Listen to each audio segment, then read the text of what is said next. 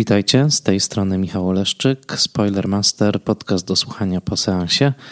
Witam Was w podcaście, w którym opowiadam o kinie bez strachu przed spoilerami. Zachęcam do słuchania po obejrzeniu filmu, ewentualnie przed, jeżeli nie boicie się spoilerów. Witam w kolejnym odcinku, ale zarazem w odcinku szczególnym. Tym razem rozpoczynam nowy cykl pod roboczą nazwą Spoiler Master Classic – wiedziony głosami od Was, ale także własną ambicją i marzeniem, żeby opowiadać w Spoilermasterze nie tylko o kinie nowym, ale także o kinie klasycznym.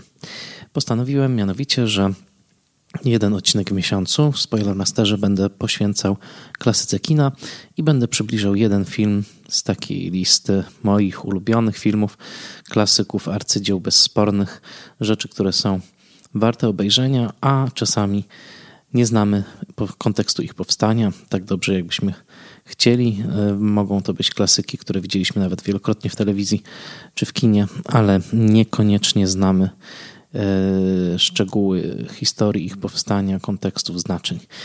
Innymi słowy, raz na miesiąc ten cykl będzie spoglądał w przeszłość, y, tym mniejszy strach przed spoilerami, bo mówiąc o tych klasycznych filmach, będę zakładał, że raczej je widzieliście. Ewentualnie mam ogromną nadzieję, że te podcasty będą Was zachęcały do poznawania tych filmów.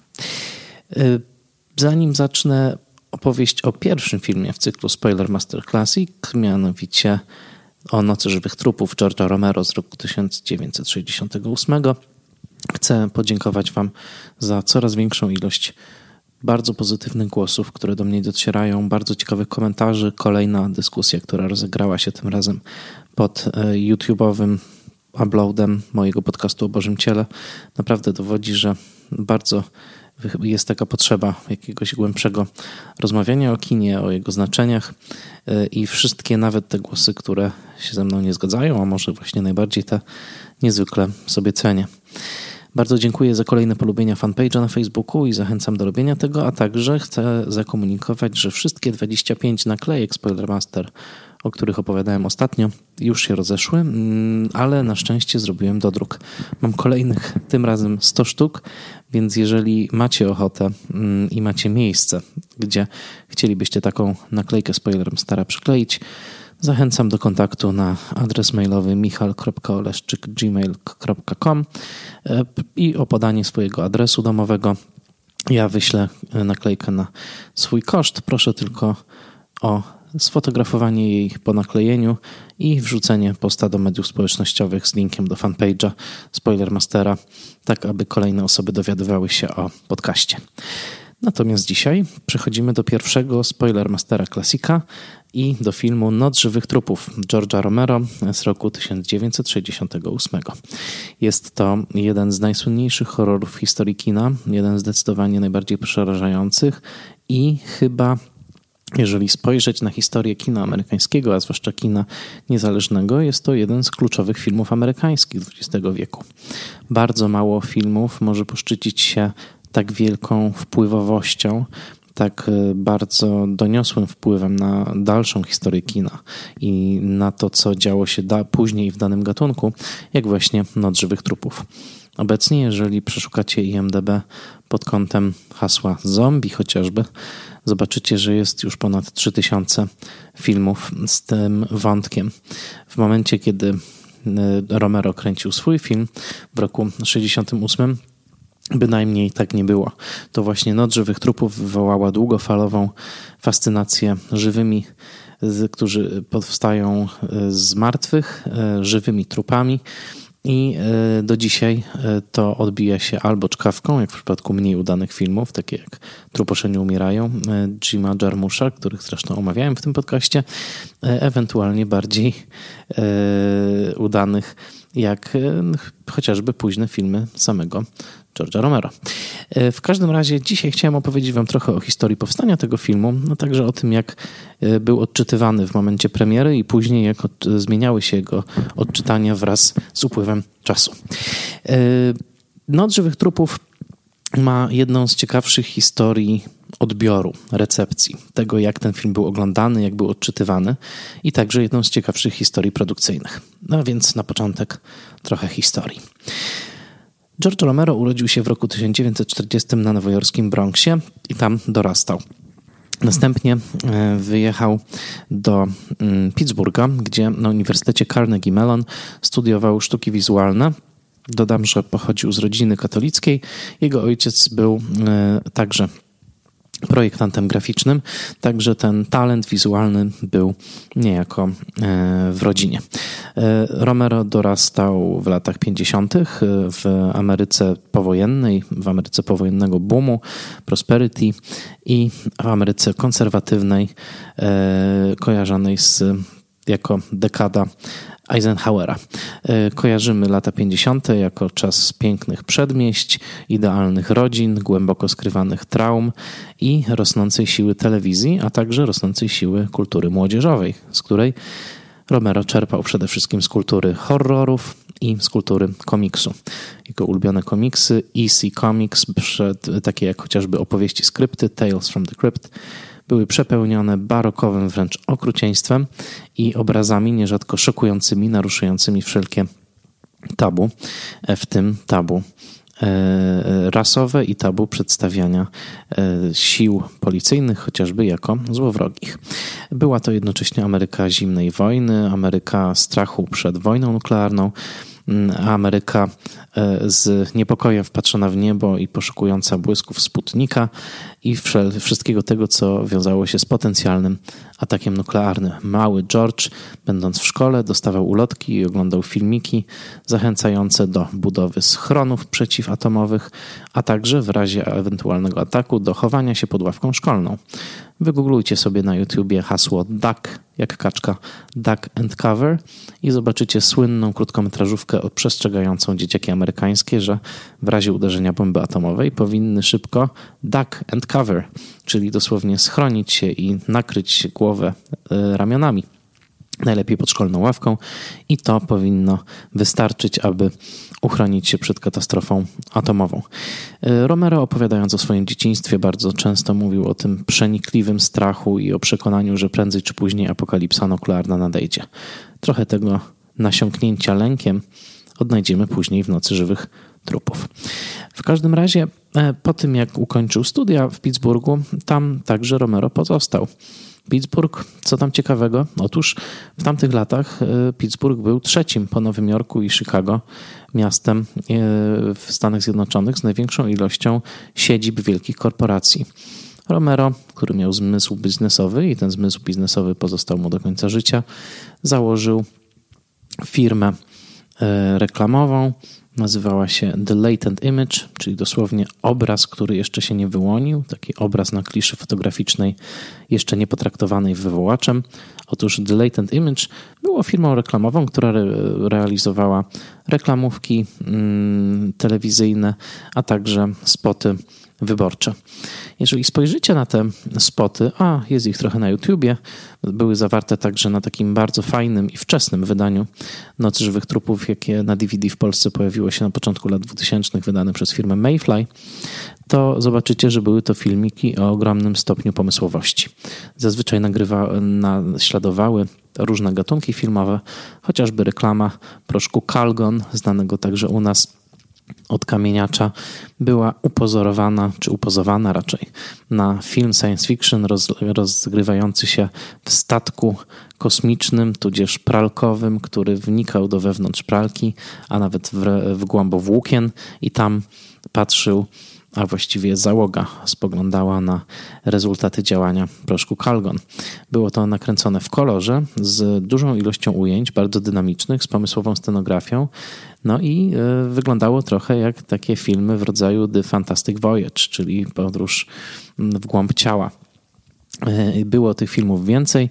E, obfitowały one często w ustawienia kamery takie niskie, monumentalizujące postaci, w krótkie, dynamiczne ujęcia i w bardzo wyraźny, taki wręcz brutalistyczny styl wizualny Romero, który wiedział, jak tworzyć e, obrazy, które będą zapadały w pamięć odbiorców. I mm, tak sobie te lata 60. się działy, a George Romero tworzył reklamy, coraz lepiej współpracowało mu się z grupą, teamem, zespołem Latent Image. No i tak się stało, że w pewnym momencie, gdzieś około roku 66, 7, ci przyjaciele zbierali się e, w mm, lokalnym dinerze, rozmawiali o tym, co warto by zrobić. Dokładnie ta restauracja nazywała się Summernis Restaurant w Pittsburghu. E, dużo faktów dzisiaj swoją drogą przytaczam za monografią książkową Nocy Żywych Trupów e, pióra Bena Herveya, którą bardzo polecam ale także i z innych źródeł i z licznych wydań tego filmu, które oglądałem na DVD e, i Blu-rayach. W każdym razie e, w pewnym momencie postanowili, że nakręcą film. Pierwszym ich wspólnym filmem były Expostulations, e, komedia epizodyczna, jak to jest opisywane. Niestety nie starczyło pieniędzy na dokończenie dźwięku, więc film w zasadzie nie zaistniał, ale Romero, który już w Nowym Jorku pracował na wielu planach filmowych, między innymi u Alfreda Hitchcocka na planie północnego, północnego zachodu, doszedł do wniosku, że najlepiej będzie, jeżeli zrzucą się e, finansowo, uruchomią produkcję czegoś, co miało pierwotnie tytuł roboczy e, The Monster Flick, czyli dosłownie filmidło o potworach. No i rzeczywiście dziesięcioro inwestorów, e, każdy zrzucił się po 600 dolarów, no i tych 6 tysięcy dolarów uruchomiło cały proces. W sumie Noc Żywych Trupów, bo o tym filmie mówimy, taki tytuł on w końcu będzie miał, kosztowała 114 tysięcy. E, ten film miał różne tytuły robocze, nazywał się Noc Pożeraczy Ciał, Night of Flesh Eaters i Noc Anubisa. E, w końcu postanęło na Nocy Żywych Trupów.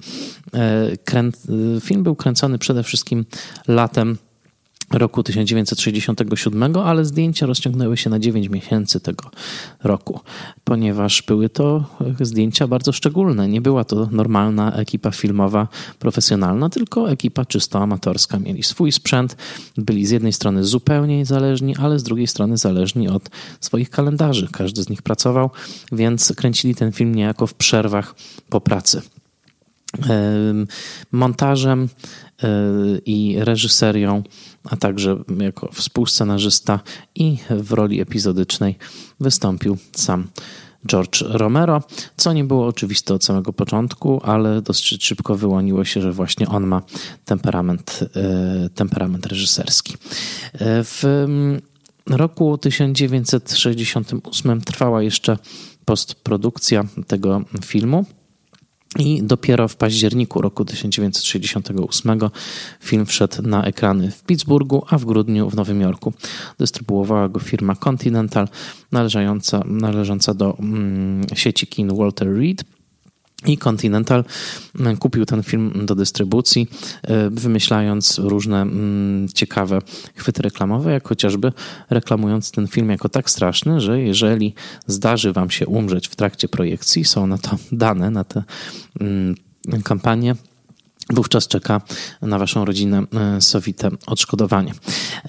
To wszystko brzmi anegdotycznie. Dodam, że film wchodził na początku przede wszystkim na ekrany E, kin samochodowych i grindhouse'owych, to znaczy tych mniej szacownych, chciałoby się powiedzieć, e, w których były grane przede wszystkim horrory, filmy tak zwanej eksploitacji, czyli zawierające dużo seksu i przemocy, pochłaniane zazwyczaj na tak zwanych double billach, czyli seansach podwójnych.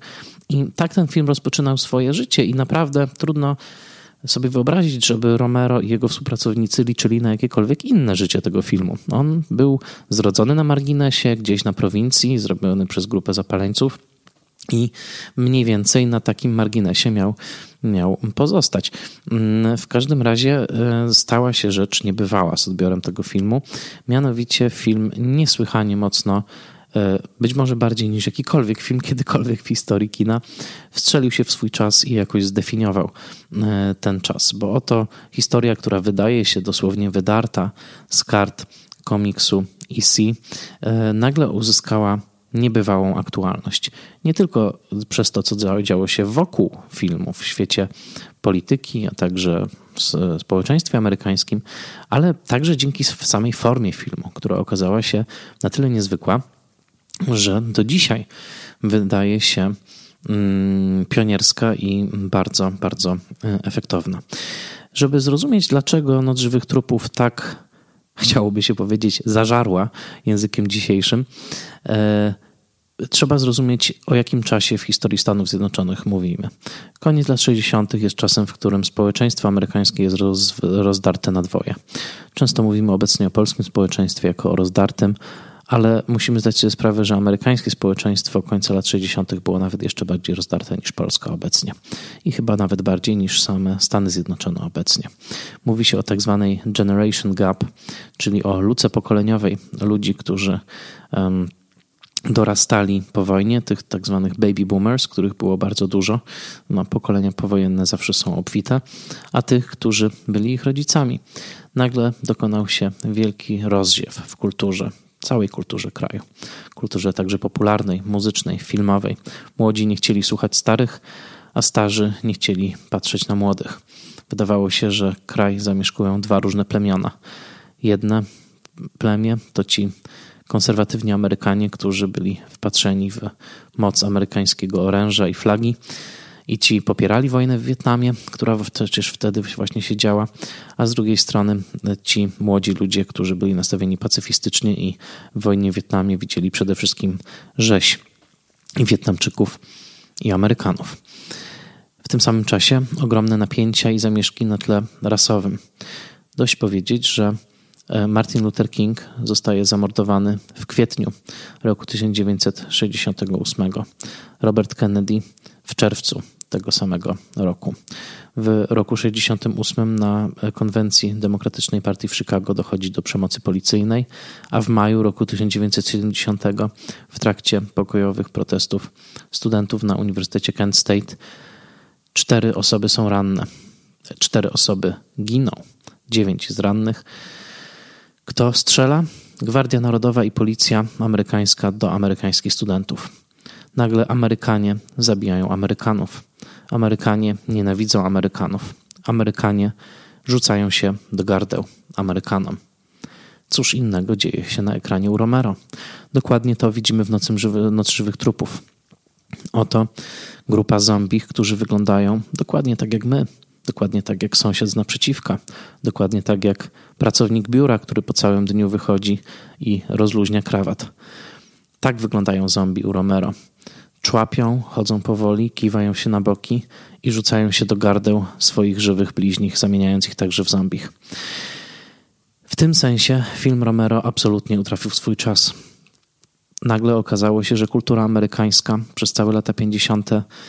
jakoś buzująca od różnych wywrotowych znaczeń i starająca się absorbować różne szoki kulturowe i polityczne, musiała pęknąć. Była, e, można powiedzieć, e, bukłakiem nieodpowiednim do młodego wina, by posłużyć się językiem biblijnym. Coś musiało pęknąć. Młode pokolenie potrzebowało się zbuntować. Młode pokolenie musiało wykrzyczeć, że kultura uładzona, porządna, ta Eisenhowerowska, nie jest w stanie opowiadać o doświadczeniu kraju rozerwanego na dwoje. Do tego wszystkiego dochodzą konteksty rasowe. W roli Bena w filmie Noc Żywych Trupów, czyli tego czarnoskórego mężczyzny, który e, e, w pewnym momencie pojawia się i no, staje się w zasadzie głównym bohaterem filmu. E, najpierw broniąc Barbary, tutaj, która ucieka od pierwszego zombiego a potem wdając się w dość długi spór z mm, niejakim Harem Cooperem, granym przez Karla Hartmana. No otóż ów czarnoskóry mm, Dwayne Jones e, ginie na samym końcu filmu, zastrzelony przez rodzaj milicji obywatelskiej, takiej stworzonej na potrzeby kryzysu, jakim jest właśnie kryzys wstających z grobu żywych trupów. Czy to wszystko ma znaczenie rasowe? Sam Romero upierał się, że obsadził Dwayne'a Jonesa tylko dlatego, że Dwayne Jones był najlepszy w przesłuchaniu do roli, że był to idealny przykład castingu, czy też obsady ślepej na kolor, color blind. Tak utrzymywał do końca swojego życia Romero. Ale tak naprawdę wszyscy wiedzieli i czuli, że nawet jeżeli tak było i Romero obsadził Jonesa, którego postać w scenariuszu oryginalnie była napisana jako biała, jeżeli obsadził go tylko i wyłącznie dla jego umiejętności aktorskich, to sama jego obecność w tym filmie absolutnie zmienia jego znaczenia. Moment, w którym złożona z całkowicie białych obywateli, milicja obywatelska, upozowana tutaj na taką konserwatywną tłuszczę w ostatnich ujęciach tego filmu, przeczesującą lasy i strzelającą bez żadnego zahamowania, a nawet ze śmiechem do człapiących bezbronnych zombich. Otóż to, że oni zabijają na końcu Bena, co więcej, że strzelają do niego, mimo że dosyć w oczywisty sposób. Ben nie jest zombie. Przecież w momencie śmierci trzyma w ręku strzelbę. Żaden zombie nie jest do tego zdolny. To było absolutnie wywrotowe znaczenie. Film kończy się śmiercią Bena, a przez cały film obserwujemy napięcia pomiędzy Benem i białym ojcem rodziny, granym przez Karla Hartmana. I nie ma żadnych wątpliwości, że znaczenia rasowe tego filmu wykraczają daleko poza to, co nawet sami twórcy mogli sobie E, mogli sobie zamierzyć. Przecież rok 68 to nie tylko wstrząsająca śmierć Martina Luthera Kinga. Parę lat wcześniej zmarł, zginął Malcolm X, jeden z najważniejszych przywódców nastawionych bojowo czarnoskórych obywateli Stanów Zjednoczonych. Nie było więc żadnych wątpliwości, że ten film, podobnie jak Easy Rider, który powstał rok później i także kończy się śmiercią hipisów z, z rąk tzw. Tak redneków, czyli konserwatywnych mieszkańców południa Stanów Zjednoczonych, ma ogromny rezonans polityczny. W tym samym czasie buntownicy Bonnie i Clyde ginęli dziurawieni kulami w finale filmu Artura Pena, a Haskell Wexler nakręcił Chłodnym Okiem, w którym materiały dokumentalne z rzeczonej już e, konwencji Partii Demokratycznej w Chicago dostały się do samego filmu. Kino amerykańskie było rozgrzane od znak, znaczeń politycznych. Amerykańskie społeczeństwo trzeszczało w, dosłownie w szwach i cały świat w roku 68 został doprowadzony do wrzenia, o czym wiemy także z wydarzeń w Polsce i Europie. Kiedy wracając do recepcji filmu, kiedy film wszedł na ekrany w Nowym Jorku w roku 68, 8 w grudniu Vincent Canby, czyli najważniejszy recenzent New York Timesa, był niebywale pogardliwy. Określił film jako dosłownie, to jest cytat, możecie sprawdzić tę recenzję online. Film zrobiony przez jakichś ludzi w Pittsburghu, który jest absolutnym śmieciem. Tak on nazwał ten film Vince, Vincent Canby.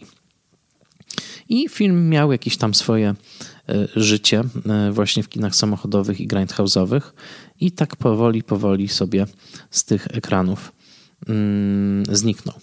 Ale rok później powrócił. Romero żartował, że powrócił, e, powrócił z martwych. W roku 69 mm, nastąpił tak zwany re-release. W tym momencie, jeżeli to możliwe w ogóle, Ameryka była jeszcze bardziej podzielona. Zwracam uwagę na to, że w międzyczasie wyszły na jaw chociażby e, masakra ludności cywilnej w Wietnamie przez żołnierzy amerykańskich, 300 osób e, w My Lai. E, tutaj wystąpili Amerykanie w postaci tak naprawdę no, mm, bestii dokonujących masakry ludności cywilnej, co zresztą amerykańskie wojsko starało się ukryć i wyszło na jaw pod koniec roku 68. I właśnie kiedy w połowie roku 69 ponownie wchodzi na ekrany w niewybranych kinach Noc Żywych Trupów, e, filmem interesuje się krąg Andy'ego Warhola. E, ten film zresztą wszedł wówczas jako podwójny seans z filmem Herberta Bibermana, komunistycznego reżysera amerykańskiego. Mówię to z całą odpowiedzialnością. Był jawnym, pełnym pasji komunistą Odsyłam do jego filmu Sól Ziemi z 1954 roku.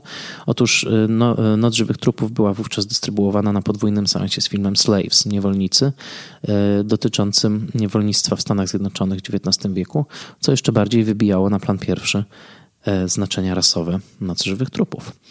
Otóż krąg Andy'ego Warhola zainteresował się filmem Romero i w czwartym numerze pisma Interview wydawanym właśnie przez Warhola, pojawiły się aż dwie recenzje Nocy Żywych Trupów plus wywiad z Romero, a Kyra Sean, czyli mała dziewczynka pożerająca swojego ojca i zabijająca w tym filmie matkę, została wybrana gwiazdą w e, tym rankingu warholowskim.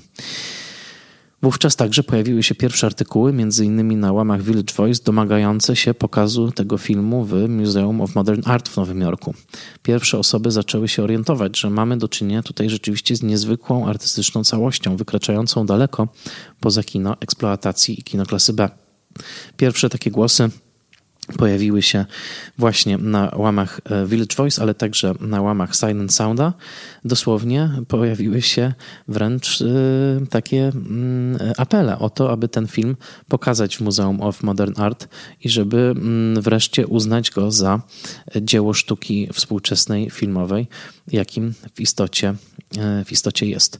W tym samym czasie rozpoczyna się taki kult o północy, to znaczy w kinie Waverly, niedaleko placu Waszyngtona, Film grany jest co noc, reklamowany tylko malutkim ogłoszeniem Village Voice i co noc sala jest pełna. I tak przez ponad rok.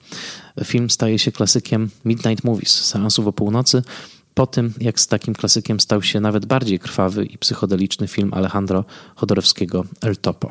Tutaj odsyłam do książki, którą przetłumaczyłem i która kilka lat temu wyszła. Midnight Movies Seans o północy. Tam jest cały rozdział o nocy żywych trupów. Więc y, tam możecie także o tym kontekście tych pokazów o północy sobie poczytać.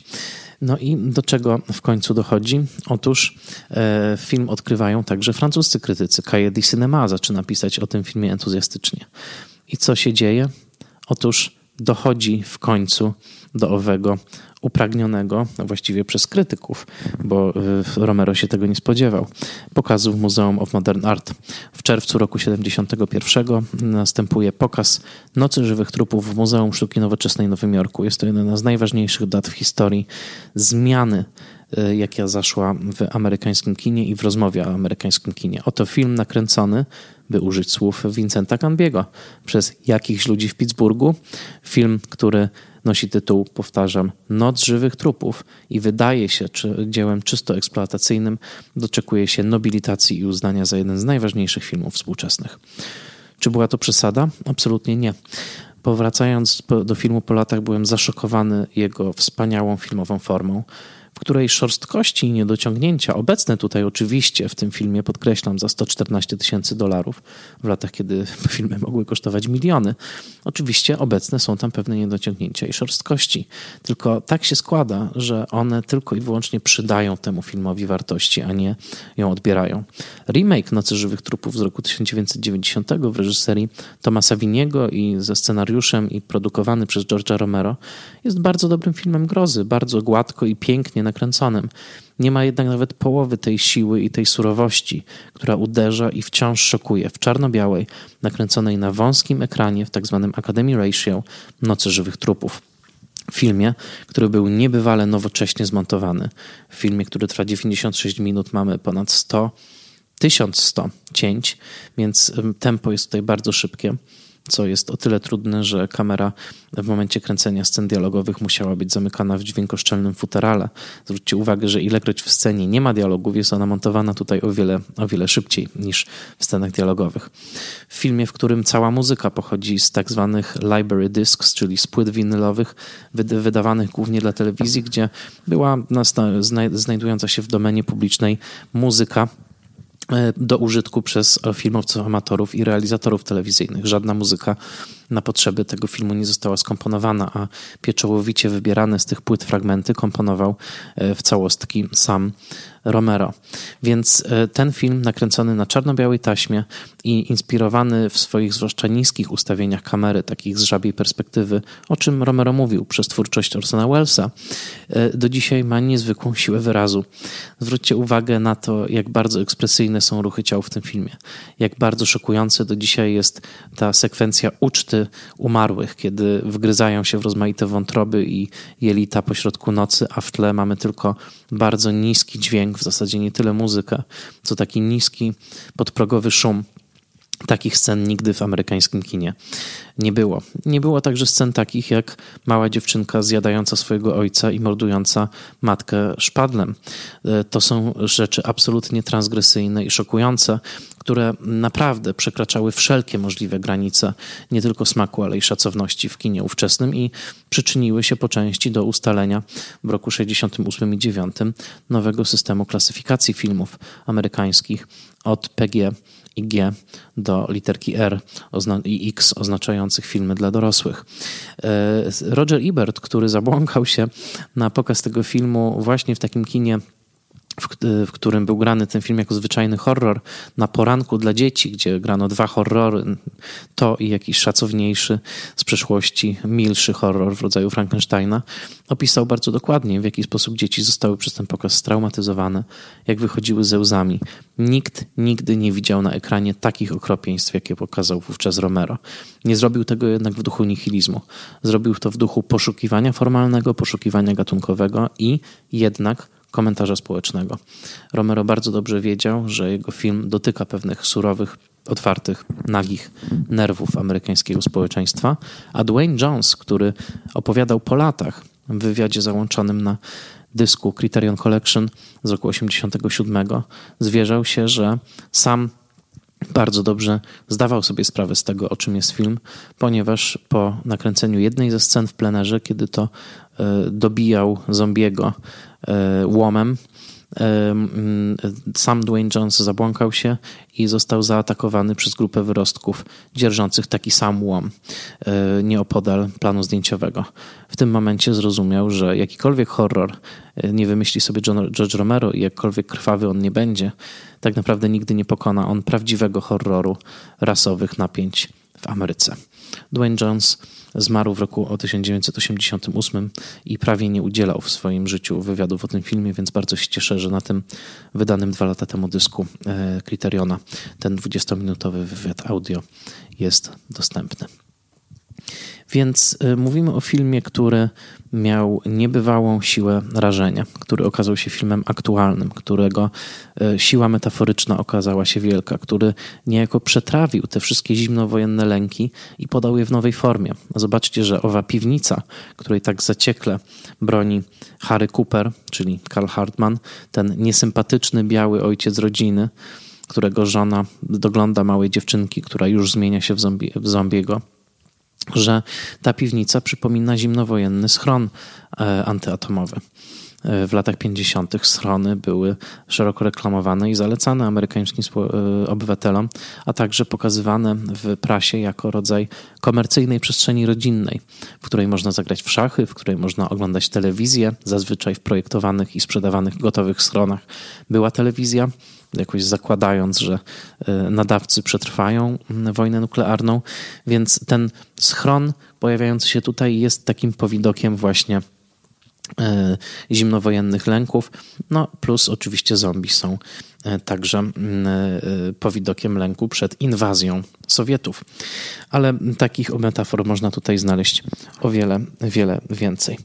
Ważne jest, że film został nakręcony właśnie na czarno-białej taśmie, co przydaje mu ogromnej siły, chociaż twórcy rozważali nakręcenie filmu w kolorze i na YouTubie do dzisiaj możecie obejrzeć taką pokolorowaną po latach wersję, ale ważne jest także, że Film przez ten czerni biel i przez wąską taśmę wyglądał trochę jak e, wiadomości telewizyjne. No przecież Amerykanie wówczas oglądali e, co wieczór relacje z Wietnamu, gdzie co prawda e, rygorystycznie przestrzegano zakazu pokazywania zwłok i powracających z wojny trumień, ale jednak ten film Noc żywych trupów niejako zlał się z, wizualnie z tymi codziennymi transmisjami z mm, z Wietnamu.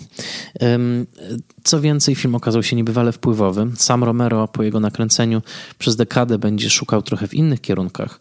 Nakręci filmy właściwie no, obyczajowe, takie jak e, There's Always Vanilla. Potem powróci do wątku wampirycznego w filmie Martin, ale dopiero w 1978 roku, kiedy nakręci Świt żywych trupów, Dawn of the Dead, to tak naprawdę wróci we właściwe siodło i nakręci film stanowiący genialne uzupełnienie, a jednocześnie poszerzenie Nocy Żywych Trupów.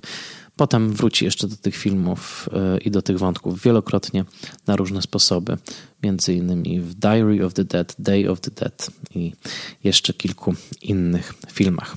Land of the Dead także należy do tego cyklu, że nie wspomnę o remake'ach i rozmaitych rozmaitych kłączach e, filmowych dookoła Nocy Żywych Trupów, ale przecież e, echa Nocy Żywych Trupów widzimy do dzisiaj. Wystarczy wybrać się na film Tomy Jordana Pila i zobaczyć ten moment, w którym jedna rodzina widzi drugą rodzinę i tamta informuje ich, że jesteśmy Amerykanami e, i następuje walka na śmierć i życie tych dwóch dziwnych, złączonych metafizycznie plemion, żeby zrozumieć, że duch Romero i duch Nocy Żywych Trupów nigdy daleko nie opuszcza e, kina, e, kina amerykańskiego.